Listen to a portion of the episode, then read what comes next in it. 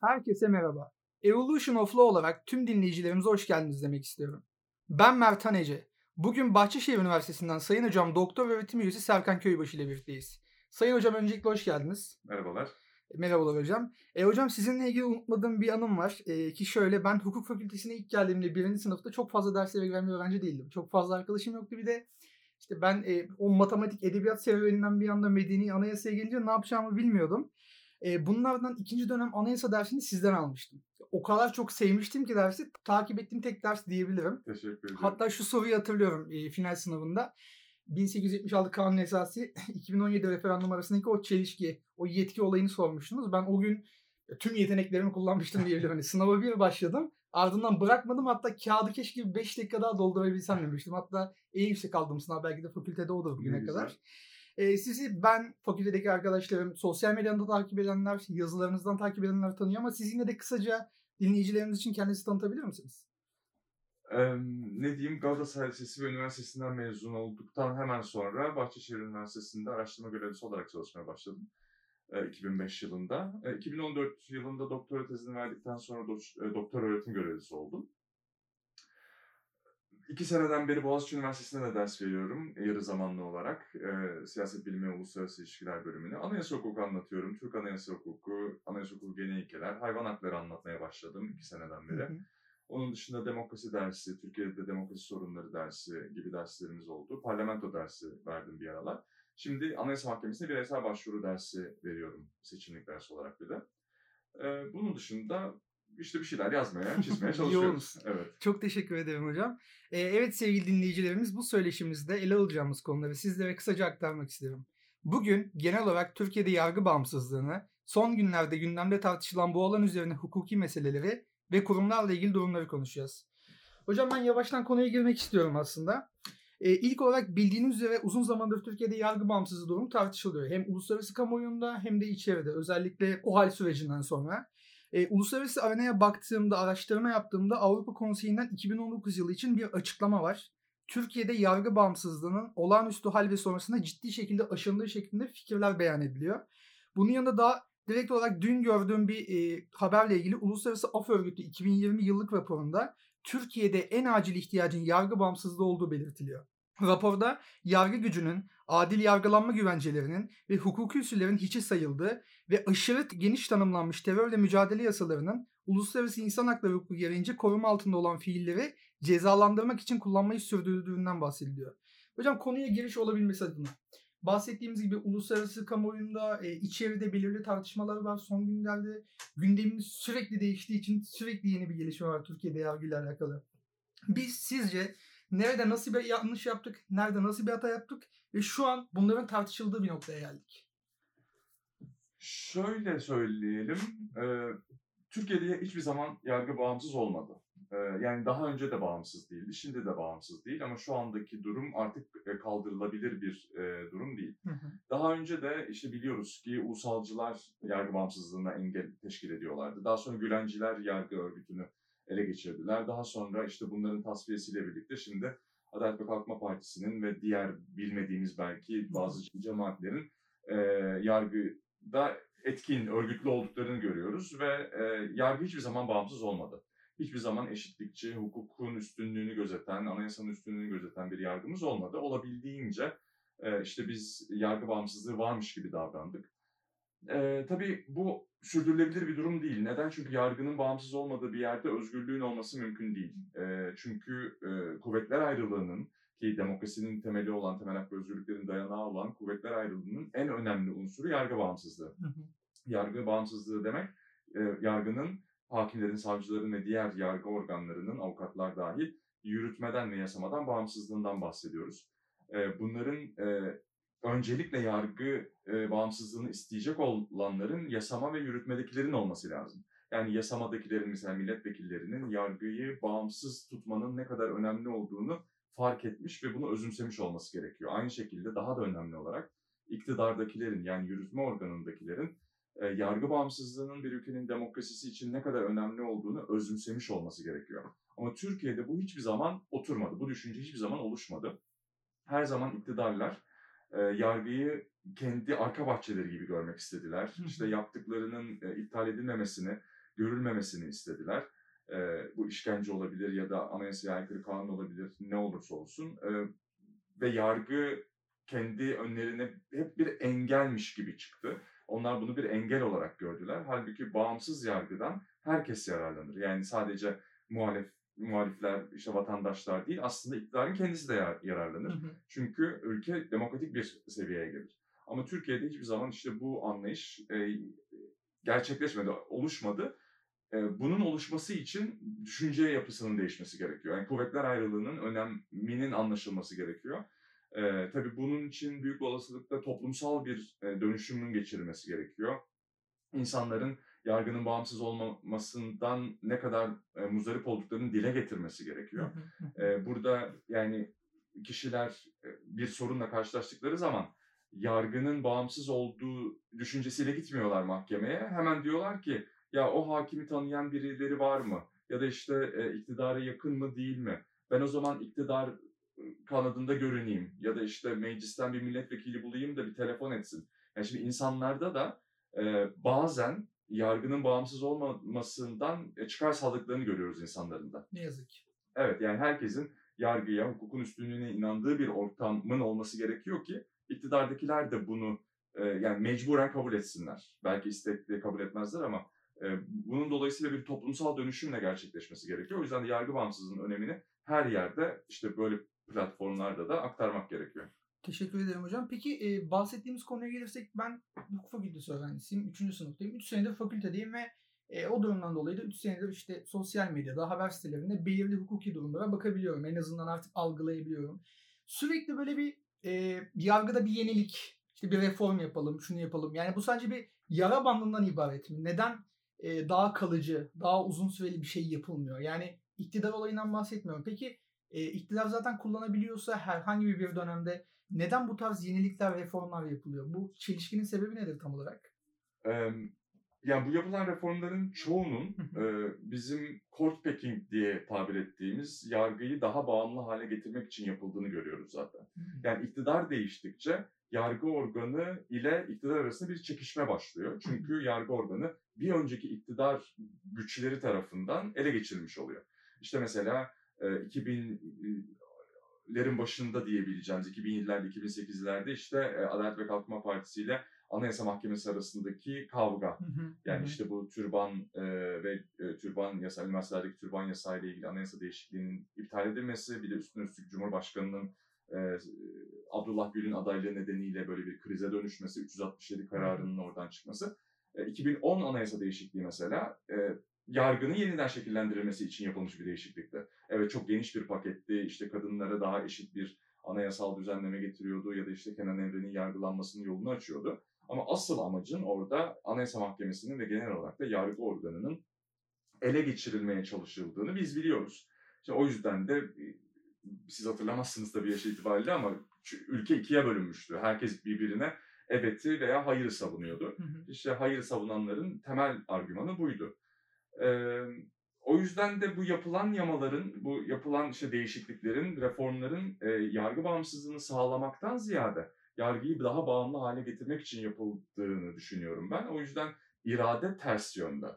E, yargı bağımsızlığı o yüzden de işte Avrupa Birliği kurumlarının da Avrupa Komisyonu kurum, konseyi kurumlarının da belirttiği gibi özellikle 2014'ten sonra yani 2013'teki işte 17-25 Aralık Hı-hı. operasyonundan sonra bir de Gezi de var ama Gezi yargı bağımsızlığı ile çok ilgili bir şey değil de bundan sonra tepe taklak gittiğini görüyoruz Türkiye'de yargı bağımsızlığının. Çünkü işte o kadroların doldur boşalt yöntemiyle ama bir bağımsızlık kaygısıyla değil de ele geçirme kaygısıyla yeniden e, yargı üzerinde oynandığını görüyoruz. Yani bahsettiğiniz üzere kısaca yapılan reform adı altında şeylerin tamamı daha da bağımlı hale getirmek amacıyla yara bandı bile değil yani düşününce evet, o zaman. Yani yarayı biraz daha deşmek, deşmek aslında. Çok üzücü.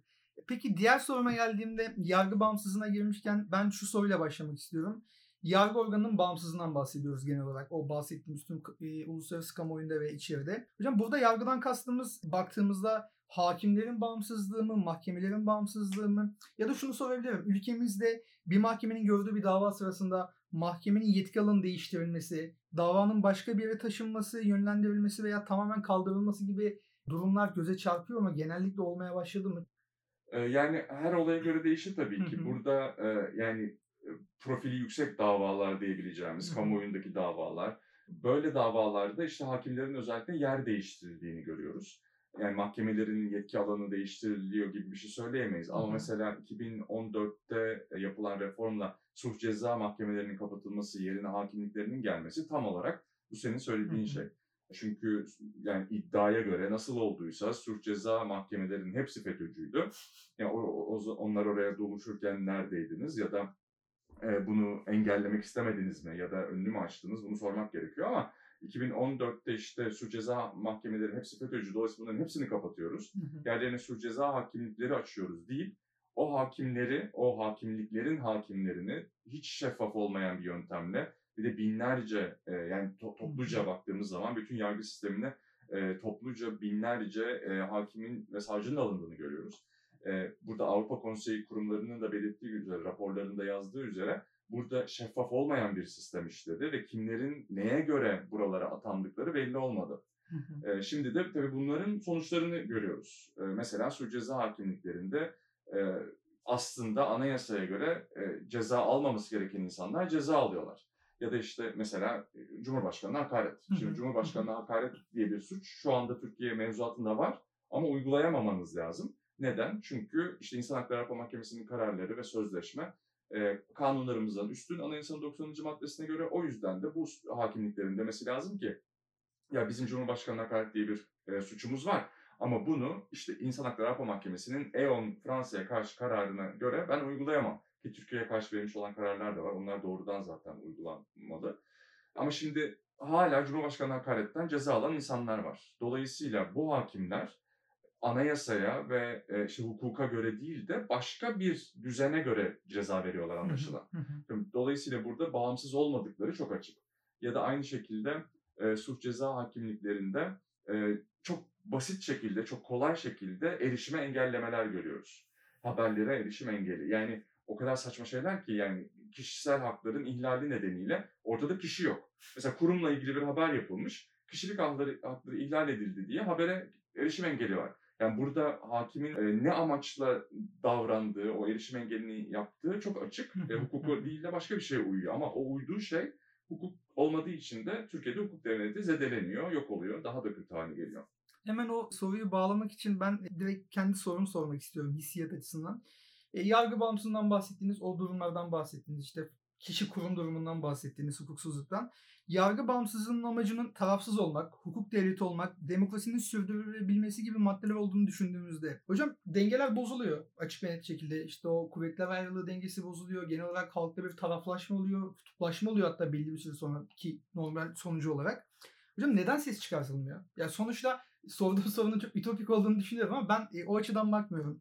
Ya hukuk, adalet hepimiz için var. Bir taraf seçme gayretinde değil. Önemli olan hepimizin bir şekilde adil olması. Türkiye'de yaşayan herkes için ortak bir kural. Bu gidişat neden hep bu şekilde devam ediyor? Yani uzun süredir diyoruz ama hani neden hiçbir zaman önüne geçemiyoruz bunun? Şimdi bu soruya ben cevap veremem bence. Yani ben bir hukukçuyum. Dolayısıyla ben sorunları ortaya koyarım ama e, yani Ya nedenini hissiyatı çözemeyelim. zaten hukukçu olarak değil de biraz daha diyorsunuz ki işte ulusalcılar vardı, FETÖ'cüler vardı, iktidar durumlarından bahsettiniz. Hani yani tamam arka bahçe olayı çok güzel ama hep bir taraf yararlanıyor ve aslında çok büyük bir taraf değil. Sonuçta halktan bahsediyoruz. Bugün nüfusumuzun 80 milyon olduğunu düşünürsek yani buna ses çıkartılmaması sadece işte Twitter'dan belli bir hashtag açarak çıkartılması, 3 gün sonra başka bir günden olayının olması, ona çıkartılması, çıkartılması derken elde hiçbir şey yok. Yani biz aynı yerdeyiz. Yani bıraktığımız noktadayız. Hani siz en azından hissiyat olarak bana ne söylemek istersiniz mesela? Yani e, benim hissiyatım Hı hı. kişisel, bu hukukçu bir analiz değil ama e, bu topraklarda bir hak mücadelesi kavramının daha doğmamış olmasından kaynaklanıyor. Yani e, henüz daha yargının bağımsız olmasının, yargının işte herkese adil, eşit davranmasının önemini kavrayabilmiş durumda değiliz. E, bunun sebebi de e, aslında dediğim gibi e, hak ve özgürlük kavramlarını biz henüz daha toplum olarak özümseyemedik. Ee, özümseyecek miyiz ileride umuyorum ama e, henüz daha bu gerçekleşmedi. Bunun sebebi de e, yani 2013'e kadar hiç görmediğimiz e, bir hareket. Yani bu bu topraklarda özellikle Osmanlı'da e, ve daha sonra da Türkiye Cumhuriyeti'nde bir burjuva sınıfının oluşmamasına bağlıyorum ben bunu.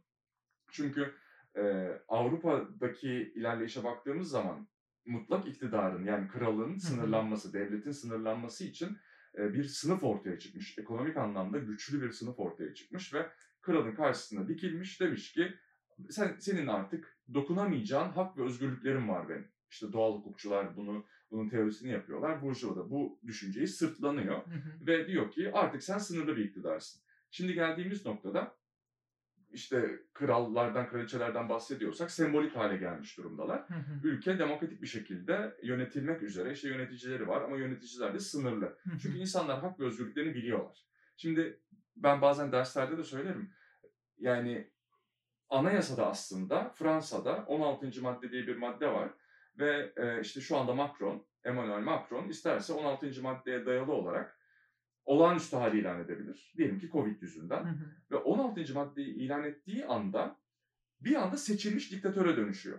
Yani önünde hiçbir engel kalmıyor. Ama Türkiye'de böyle bir şey yapıla yani yapılabiliyor aslında. Hı hı. Yapıldığında gördük işte 15 Temmuz'dan sonra ama e, bir kere yani öncelikle böyle bir diktatörlük yetkisini Macron her zaman kullanmak istemez.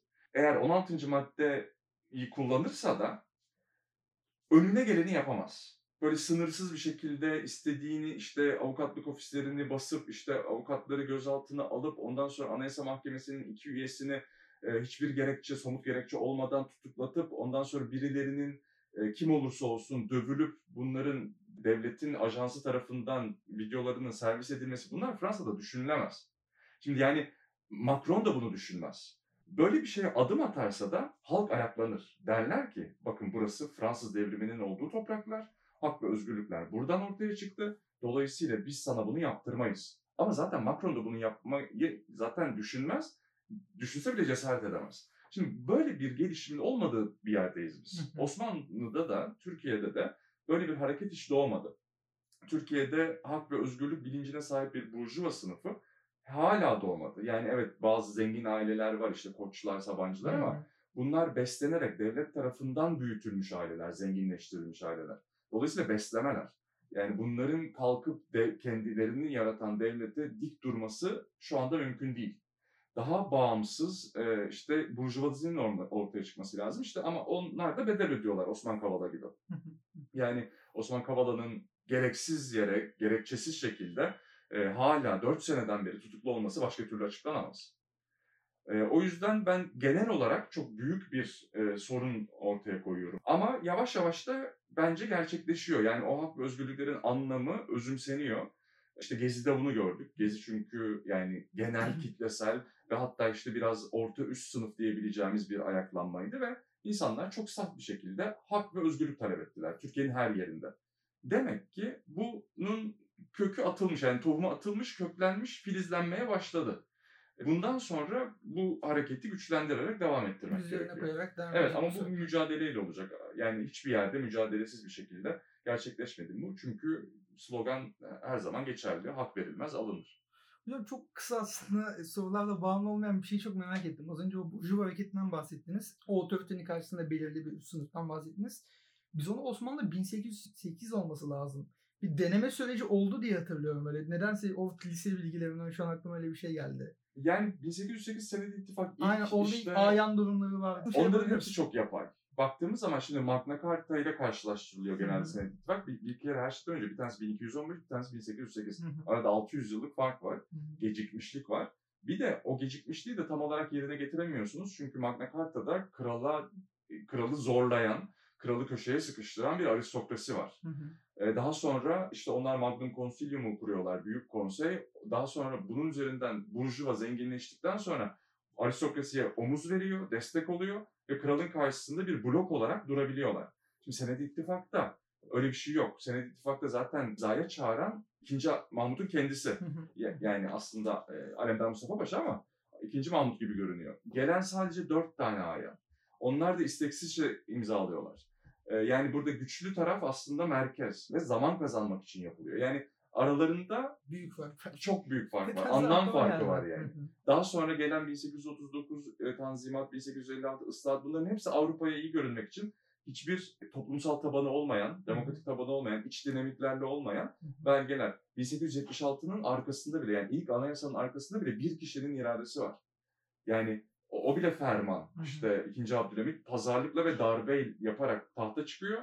İşte bu pazarlığın sonucunda da ferman olarak ilk anayasayı imzalıyor ya da yayınlıyor.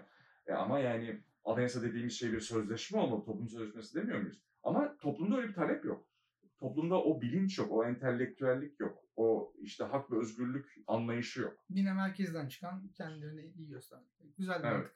E, hocam e, diğer sorumuza gelmek istediğimizde e, kuvvetler ayrılığına çok kısa değinmek istiyorum ben. Aslında ilk soruda girmiştik ama e, anayasada da belirtildiği üzere devlet organları arasında üstünlük sıralaması yerine işbirliği.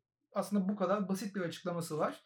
E, uygulamasına geldiğimizde hocam Türkiye'de kuvvetler ayrılığı konusunda yürütme gücü yargıyı nasıl etkiliyor o bahsettiğimiz durumlar dışında? Örnek verebilir misiniz bize? Tabii etkilemenin dışında şu anda belirliyor hatta. Yani öncelikle kuvvetler ayrılığının ne kadar önemli olduğunu söyleyelim. Ee, yani Fransız devrimiyle ortaya çıkan insan ve yurttaş hakları bildirgesinde çok açıkça yazıyor. Diyor ki bir ülkede kuvvetler ayrılığı yoksa orada anayasa yoktur. Yani anayasa bir kitapçık olarak belki vardır ama etkisizdir. Şu anda Türkiye'deki durum bu.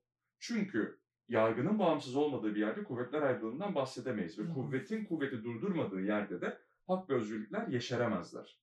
Yargı şu anda yasamanın ve yürütmenin önünde bir engel teşkil etmiyor. Onu durduracak bir güce sahip değil. Neden? Çünkü özellikle yürütme yargı organlarını belirleyen faktör oldu. E, yargı bağımsızlığını geçtik, onu etkilemesini geçtik, belirliyor. Şöyle ki işte 2017 değişikliğinden sonra daha da kötü oldu bu ama e, özellikle 2010'dan itibaren başlayan, 2014 ile devam eden, e, artan, artarak devam eden bir e, düzen bu. E, Hakimler ve Savcılar Kurulu'nun Hı hı. e, 13 üyesinden 6'sını Cumhurbaşkanı doğrudan belirliyor. Geri kalan 7 üyeyi meclis belirliyor ama o meclisteki oylama da nitelikli çoğunlukla değil, basit çoğunluğa doğru giden bir üç turlu e, belirleme var. Dolayısıyla eğer Cumhurbaşkanı'yla ki büyük olasılıkla öyle olacaktır, Cumhurbaşkanı'yla meclis çoğunluğu aynı e, partidense o zaman bütün Hakimler ve Savcılar Kurulu'nu aynı güç belirliyor, aynı siyasal parti belirliyor demektir. Evet. Hakimler ve Savcılar Kurulu yargının kalbi Hı hı. Bütün hakimlerin ve savcıların özlük işlerini, atanmalarını, disiplin cezalarını, her şeylerini Hakimler ve Savcılar Kurulu belirliyor. Hı hı. Eğer bu kurulu ele geçirirseniz o zaman bütün yargıyı ele geçirmişsiniz demektir. O yüzden şu anda Türkiye'de yargı ele geçirilmiş durumda zaten. Sayısal üstünlük. Evet. Ve e, anayasa değişikliklerine de baktığımızda Hakimler ve Savcılar Kurulu'nun court packing yöntemiyle belirlendiğini görüyoruz. İşte 2010 öncesinde e, sadece 7 üyesi vardı. E, daha sonra 2010'la bir anda 22'ye fırlatıldı.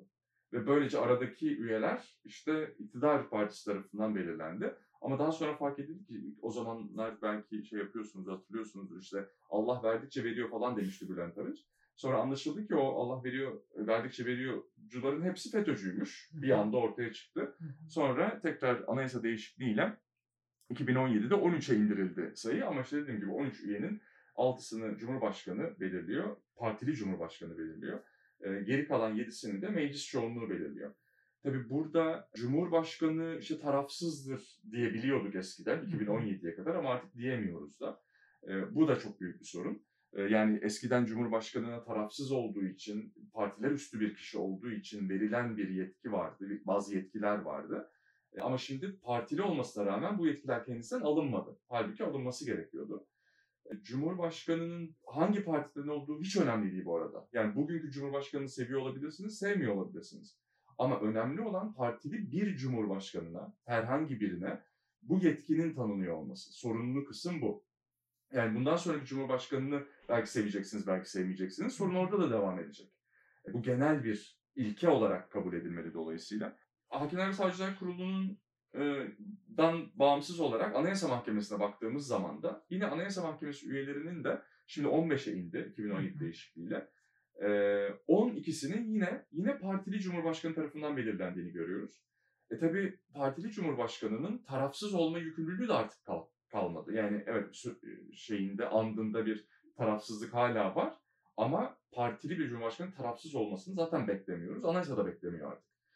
Diğer üç e, üyeye baktığımız zaman da yine orada mecliste en fazla sandalyeye sahip olan partinin ki Büyük Bozkır Cumhurbaşkanlığı Partisi olacaktır o sırada. Çünkü seçimler aynı gün yapılmak zorunda yine. Tüm üyeler o zaman o taraftan oluyor. Evet ve şöyle de bir şey var. Ee, şimdi diyelim ki rüzgar döndü, bir şeyler oldu ve bugünkü iktidar gitti. Yerine başka bir iktidar geldi. E şimdi onlar da Anayasa Mahkemesi e, yani daha önceki partili cumhurbaşkanının ve meclis çoğunluğunun seçtiği e, Anayasa Mahkemesi üyeleriyle muhatap olacaklar. Yani taraflı bir cumhur e, Anayasa Mahkemesi bu sefer hukuka uygun şekilde şu andaki durum ne? Uslandırılmış yani pek edilmiş, doldurulmuş bir mahkeme. Hı hı. Anayasaya aykırı kanunları mesela iptal etmiyor ya da düzenlemeleri iptal etmeyebiliyor. Ee, ya da işte bireysel başvurularda Osman Kavala'da olduğu gibi çok açıkça temel hak ve özgürlüklere aykırılık var ama hak ihlali bulmuyor. Şimdi daha sonraki iktidarın çıkarttığı kanunları bu sefer hukuka uygun olmayan şekilde iptal etmeye başlayabilir. Yani aslında yönetimi ele geçirebilir Anayasa Mahkemesi. Çünkü taraflı karar verme eğiliminde olacaktır. Şimdi burada illa Anayasa Mahkemesi üyeleri taraflı mıdır diye sorarsanız seçilen, en son seçilen Anayasa Mahkemesi üyelerine baktığımız zaman yani bunların liyakata dayalı olarak seçilmediklerini de görüyoruz. Baktığımız zaman en son seçilenler kimler? İşte Adalet Bakanlığı müsteşarlığı yapmış kişiler. Adalet Bak- Bakanlığı müsteşar yardımcılığı yapmış kişiler. Ya da en son İrfan Fidan olayında olduğu e, gördüğümüz gibi İstanbul Cumhuriyet Başsavcılığı yapmış ama işte Gezi davalarından Canan Kaftancıoğlu'na kadar bütün taraflı diyebileceğimiz e, delil olmayan ama iddianame adı verilen işte şeylerle insanları mahkum etmeye çalışan birisinin bir de çok yani kör gözün parmağına bir şekilde sırf Yargıtay üyeliğinden atanabilmesi için bir hafta öncesinden Yargıtay'a atanması, Yargıtay'da onu hiç tanımayan 107 üyenin İrfan Fidan gitsin evet işte Anayasa Mahkemesi üyesi olsun demesi, onun da gidip Anayasa Mahkemesi üyesi olması Yargıtay kontenjanından ama iki hafta belki çalışıp çalışmadı. Belki odasına bile gitmedi yani adam. Şimdi bu kişinin ben Anayasa Mahkemesi üyesi olarak tarafsız bir karar verebileceğine inanmıyorum.